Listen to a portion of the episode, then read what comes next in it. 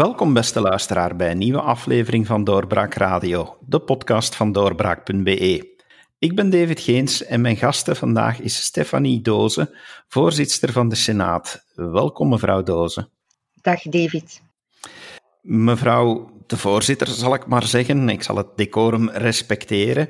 Ik heb u gecontacteerd omdat u een zeer interessant opiniestuk hebt geschreven over hobbyrechten. En ja, dan, dan vraag ik mij in de eerste plaats af, zodat we zeker niet over het verkeerde bezig zijn, wat vat u allemaal samen onder die hobbyrechten? Um, David, zeg maar Stefanie sowieso. Um, daarmee zullen we, zullen we starten. Um, ik ben eigenlijk, eigenlijk voordat ik senaatsvoorzitter was, eigenlijk al heel lang bezig met de rechten voor de regenbooggemeenschap. Ik uh, noem het uh, liever zo.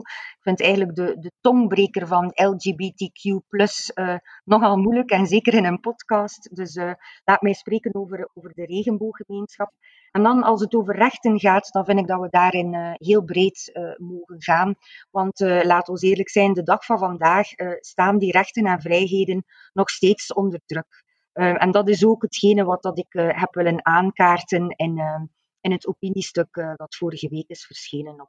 Maar is dat echt zo? Want mijn reactie is dan als eerste, ja, die regenbooggemeenschap, die heeft hard gestreden en met recht en reden voor die rechten. Dat lijkt me nu toch allemaal wel verworven in ons land.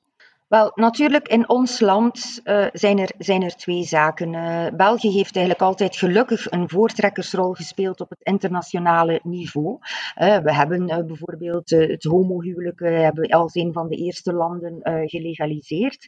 Maar ik merk, en dat zijn natuurlijk wel zaken ja, die je niet kan vatten in cijfers en die heel vaak de zogenaamde dark numbers zijn. Maar dat we toch wel de afgelopen uh, jaren spijtig genoeg moeten spreken van een kentering. Niet op het vlak van beleid, maar wel op het vlak van, van uh, maatschappelijke aanvaarding uh, van ehm, mensen uit de regenboog. Um, en, en dat voel je door bijvoorbeeld de toename van geweld, de toename van gaybashing.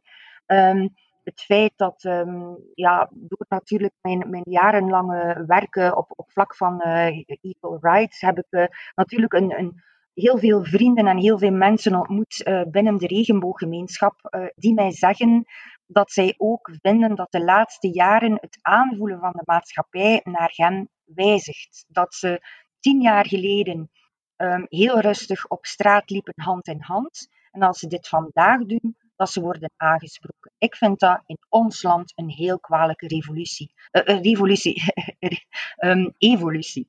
Uh, was het maar een revolutie.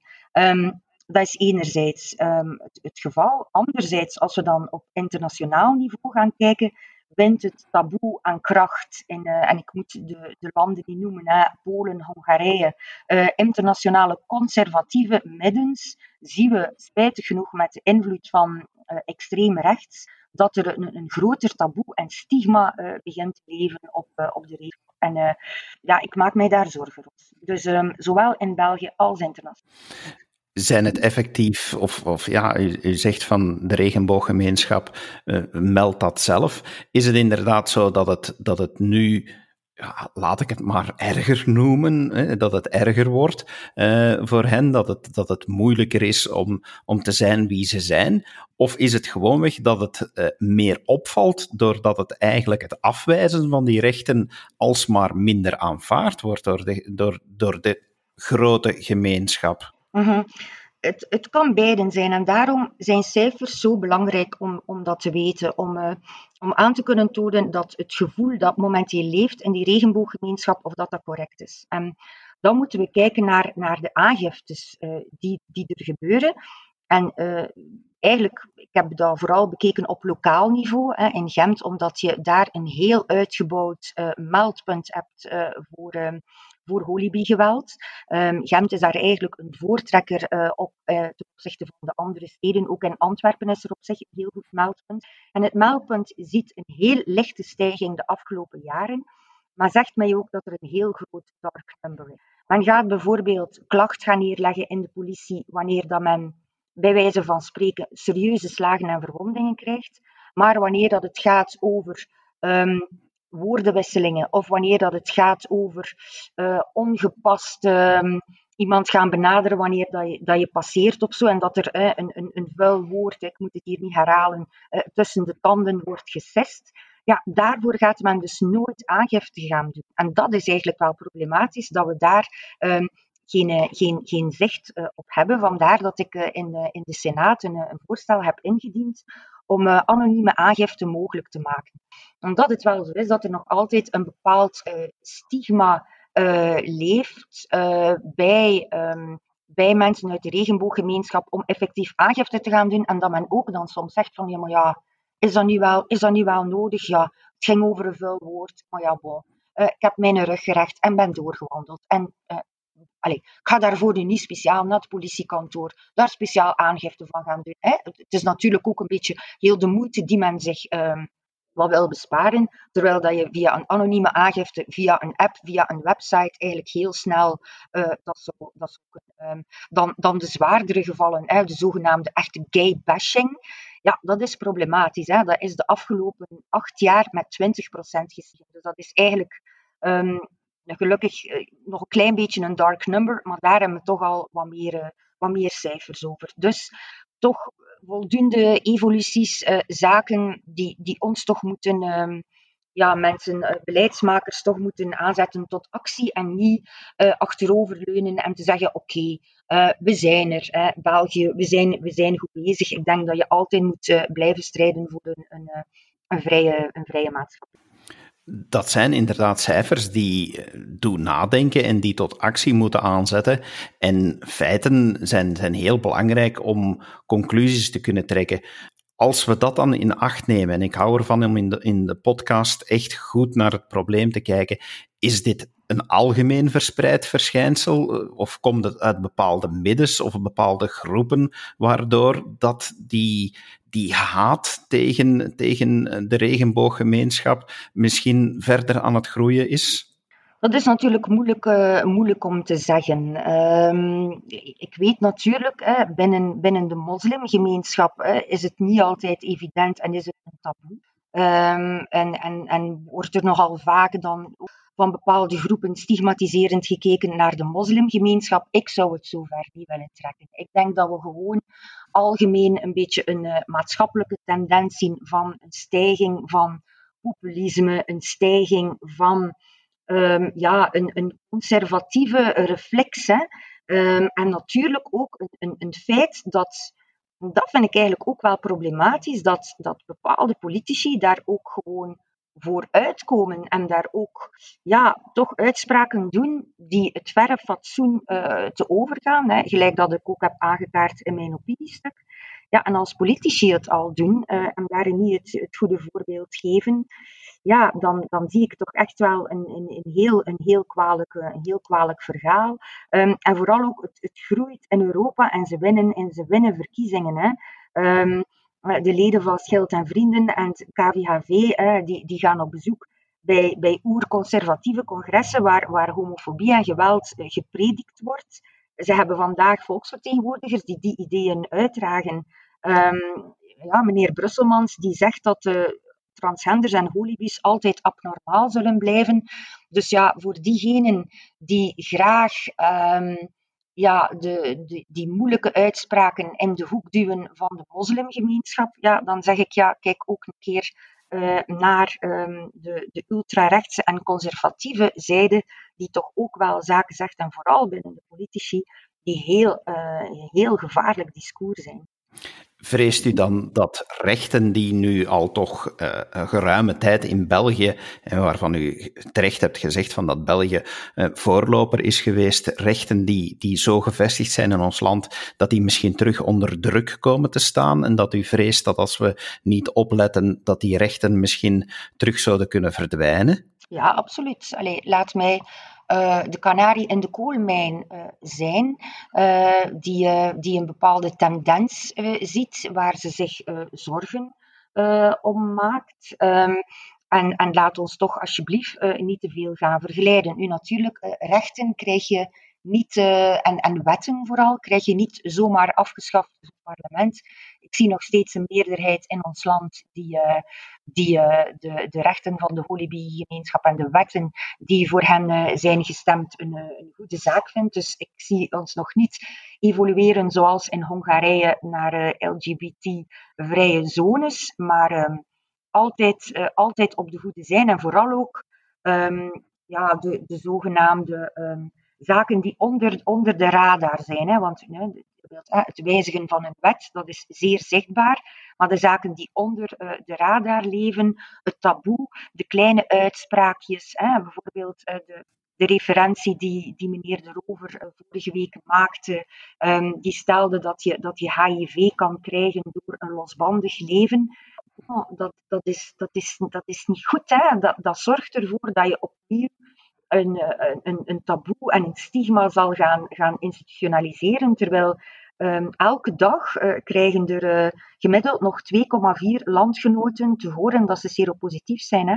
Dus um, in, in uh, 2018 waren er 18.000 Belgen met HIV. Dus je kunt dat vergelijken met, met een, een gemeente zoals Destelbergen of Herzelen of, of, bijvoorbeeld. Um, ja, als je die mensen dan toch van, van een politicus met een zekere standing en aanzien stelt dat je HIV krijgt door een losbandig leven, ja, dan, dan gebeurt er iets onder de waterlijn waar dat we met een aantal politici, mensen vanuit de, de middenveld, uh, toch moeten zeggen van, pas op. Um, we zijn hier op een, uh, op een hellend vlak. Hoe denkt u dan dat de beste manier is om te reageren? Is, moet, moeten we dan uh, altijd reageren eh, zoals u nu gedaan hebt, en die mensen ter verantwoording roepen en zeggen van kijk, uw mening kan echt niet meer in deze tijden? Mm -hmm. Ja, je moet ook soms opletten te veel van het, van het belerende vingertje. Hè. Dat, is, dat is iets uh, wat dat ik bijvoorbeeld in de hele uh, discussie bijvoorbeeld rond kolonialisme, ik zeg je maar een voorbeeld, dat je soms dan een, te veel een belerend vingertje hebt van, van, van het ene kamp, hè, waardoor dat het andere kamp dan nog meer in een kramp gaat. Um, ik wil dat eigenlijk niet doen. Ik wil eigenlijk um, tot een soort van, van dialoog komen uh, naar, naar mijn collega's, van pas op met zo'n uitspraken, want ik ben er echt van overtuigd dat meneer De Rover dat niet zo bedoeld heeft. Hè. Pas op met zo'n uitspraken, want ze duiden op een, of ze gaan een dieper liggend gevoel die bij sommige mensen in onze maatschappij leeft, gaat, gaan, gaat dat voeden. En let daarmee op. Dat is, dat is toch het, het eerste, maar vooral in dialoog. En, en alsjeblieft niet opnieuw peper en zout in een heel debat gaan, gaan steken die al zo gepolariseerd is. Ik denk dat we echt een keer moeten stoppen in onze maatschappij, met, uh, en zeker in de politiek, van ik heb gelijk en jij hebt geen gelijk aan de twee groepen die tegenover elkaar staan. Nee, laat ons uh, we hebben toch allemaal een dieperliggende doel om, uh, om te streven naar een betere samenleving. Dat is het eerste. En het tweede, zoals ik daarnet al zei, is voor mij heel belangrijk die cijfers. Meten is weten. En ja, het is heel moeilijk om, om aan exacte uh, cijfers te geraken. Um, ik zit al een tijdje bezig met de problematiek. Ik vraag ook heel vaak uh, via schriftelijke vragen de aantallen op bij uh, de, de, bevoegde ministers al, een, al een paar jaar. En ik zie soms ook wel wat, wat eigenaardige zaken bij, bij de cijfers. Dat je soms bijvoorbeeld in ik geef een voorbeeld, een fictief voorbeeld, dat in Wallonië en Brussel uh, het aantal aangiften stijgen en in Vlaanderen niet. Ja, oftewel is er een heel groot verschil tussen uh, Vlaanderen en Wallonië op vlak van uh, aangifte van geweld op holibies, oftewel wordt er in Vlaanderen niet voldoende bijgehouden. Dus, dus, dus die zaken, we zijn daar nog niet. We zijn op dat vlak nog iets te veel afhankelijk van lokale meldpunten. Ik zei het al, bijvoorbeeld in Gent en in Antwerpen, die goed draaien. Maar wat doe je dan uh, als je een, uh, een, een, homo bent die bijvoorbeeld in Roeselare uh, wordt lastiggevallen en daar is er geen melding? Um, dus het, is, het zijn nu nog momenteel iets te veel initiatieven binnen politiekorpsen bij grote steden, die met alle begrip daarvoor, die natuurlijk meer middelen ervoor hebben om politiemensen op te leiden om om te gaan met de problematiek, hè, die daar ook echt speciaal, speciale meldpunten en personen voor hebben. Dat dat natuurlijk niet altijd is in, uh, in andere gebieden. Dus het lijkt mij toch iets wat, dat we, wat dat we ook wel landelijk moeten. Politici die uitspraken doen, ja, die doen die altijd in de hoop van te scoren. Hm. Dus als politici zulke uitspraken doen, dan wijst dat automatisch volgens de, de logica der dingen op het feit dat zulke stroming in de maatschappij bestaat. Vindt u dat er, dat er echt een, een conservatieve stroming door onze maatschappij momenteel te merken is, die, die zich afzet tegen veranderingen die de afgelopen twintig jaar hebben plaatsgegrepen? Um, ik ben van nature een optimiste. Hè? Um, en uh, ik, uh, ik, ik zou eerder zeggen van kom, maar ik begin dat toch spijtig genoeg meer en meer, uh, meer, en meer te werken. Natuurlijk, het is momenteel heel moeilijk uh, in de tijden gelijk dat we vandaag leven uh, met, met een wereldwijde pandemie, om, om, om abstractie te kunnen maken van, wat er nu leeft en om maatschappelijke tendensen te kunnen ontwaren. Mensen, mensen zijn angstig, mensen worden ziek, worden geconfronteerd met, met het met het einde van hun leven. En is natuurlijk niet evident om, om, ehm, om, om te zien van wat is er nu aan, aan het gebeuren. Maar als we toch een beetje kijken ehm, naar vorig jaar en naar het resultaat van, van de verkiezingen. Uh, als we kijken naar, naar, eh, naar verkiezing van uh, internationaal van bepaalde conservatieve krachten, dan zie je dat België toch ook toch ook geen eiland is. Maar uh, het lichtpunt in de duisternis is toch wel de verkiezing van, van Biden. Maar op zich toch ook geen walk in the park. Hè. Als je ziet, na vier jaar wat dat Trump ervan gemaakt heeft, dan zou je eigenlijk als weldenkend mens moeten zeggen van hij gaat erop en erover, Biden, maar, maar toch niet. Hè. Dus allez, je ziet, het is een, het is een zevenkoppige draak, het conservatisme en, en ja, het, het gevaarlijke u schreef in uw stuk uh, het volgende, en ik citeer: Maar geen enkel recht is ooit verworven. Voor onze vrijheid moeten we dag na dag blijven vechten. Mhm. Einde citaat. Eh, zijn er dan ook geen rechten die nu misschien uh, buiten deze regenboog uh, gemeenschapsrechten uh, die, die ook onder druk komen te staan. en ik vraag het net omdat u lid bent van de Open VLD, zoiets als bijvoorbeeld godsdienstvrijheid, waar dat dan aan geknabbeld wordt?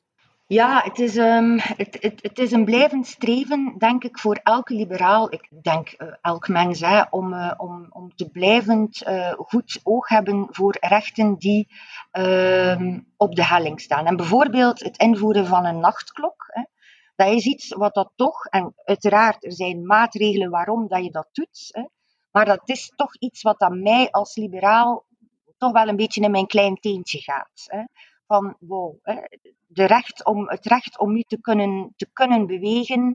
Um, ja, het is toch, allee, uiteindelijk zijn we gelukkig wel een, brave bevolking uh, die dat, die dat uh, eigenlijk uh, slikt, tussen aanhalingstekens. maar we kunnen het in deze uitzonderlijke omstandigheden toelaten, maar um, het, het, het, moet ook niet te ver gaan uh, in, in, in, dergelijke, in zaken. Um, wat dat u zegt rond godsdienstvrijheid, um, absoluut, hè, absoluut. Hè. Ik denk dat dat ook iets is waar dat we bijvoorbeeld in onze scholen uh, blijvend ook voor, voor moeten aandacht hebben. Ik, ik vind dat eigenlijk ja, ons, ons onderwijs heel duidelijk moeten maken aan jonge mensen die uh, nog nooit een oorlog hebben meegemaakt, wat dat het betekent om in oorlog te zijn. Men dus soms, nu soms een beetje de vergelijking nu rond corona met wat dat uh, onze grootouders hebben meegemaakt. Ik denk dat het toen eigenlijk wel nog uh, een, pakje, een pakje erger was, eerlijk gezegd. Maar ja, de idee om, om, om in oorlog te zijn, denk ik dat de jonge generatie toch ook wel nog elke dag moet, moet beseffen. En vandaar dat herdenkingen zoals wapenstilstand nog steeds zo belangrijk zijn hè, om, om te kunnen doorgeven aan de toekomstige generatie. Maar, maar eh, ik zeg, blijven vechten. Hè. Eh, persvrijheid, ook nog zo'n belangrijke. Allee, we moeten gewoon maar even rondom ons kijken. Om nu bijvoorbeeld wat dat gebeurt met Jalali. Um, um, ja, dat zijn zaken waarvan, en zelfs al gebeurt het in een, in een land ver van hier, hè, waar dat we ook voor moeten op de barricade staan. Dus nog werk genoeg elke dag. Maar u bent voorzitter van de Senaat, een kamer eh, waar toch bij uitstek de gelegenheid is om over fundamentele dingen na te denken. En u bent lid van Open VLD, dus ja, ik, ik herhaal deels mijn vraag. Eh, moet dan zoiets als godsdienstvrijheid uit de grondwet gehaald worden?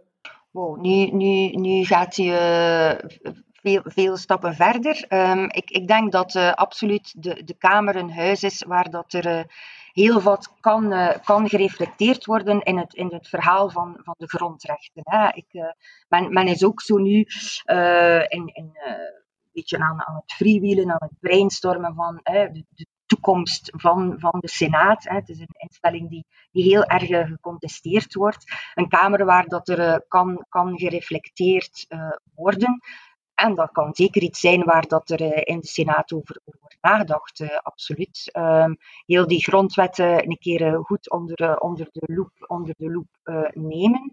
Maar natuurlijk, wat dat u dan specifiek uw vraag over, over godsdienstvrijheid stelt, ja, dat is een fundamenteel liberaal recht. Hè. de scheiding tussen kerk en staat, ja, dat gaat hand in hand. Ik denk niet dat het aangewezen is om, om dit uit grond Gaat u uh, vanuit de Senaat kunnen voldoende initiatieven nemen om uh, te blijven vechten voor de rechten van de regenbooggemeenschap? Zijn er, zijn er initiatieven die u nog plant?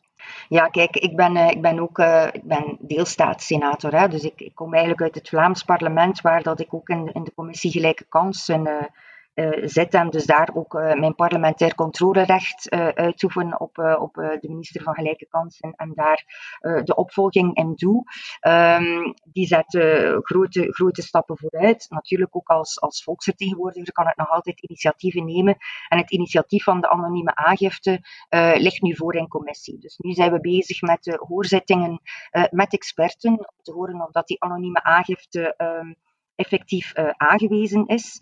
Uh, maar wanneer dat die, uh, die experten daarover eens zijn, dan denk ik wel dat daar een, een meerderheid zou kunnen volgen om dat in commissie aan te nemen en dat plenair, plenair te stemmen. Dus dat staat op, op, het eerste op mijn lijstje om verder om verder te behandelen. En het tweede is natuurlijk die steeds die, die bewustwording.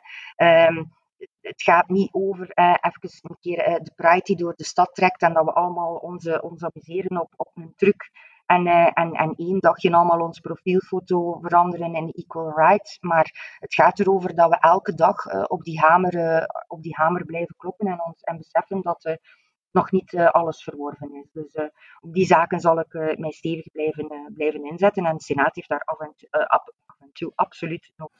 Mevrouw Dozen, dank u wel dat u uw uh, mening zo helder hebt toegelicht en dat u duidelijk uh, wil verder strijden voor uh, rechten die we niet altijd als voor eeuwig verworven mogen beschouwen. Dank u wel voor de toelichting. Dat is heel graag gedaan. Dank u wel. En u, beste luisteraar, dank u wel dat u geluisterd hebt. Blijf zeker afstemmen op onze podcast en graag tot de volgende keer. Dag.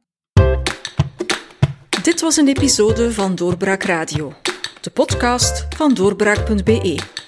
Volg onze podcast op doorbraak.be/radio of via Apple Podcasts, Overcast of Spotify. Bezoek ook onze website op doorbraak.be en steun ons door een vriend te worden van Doorbraak.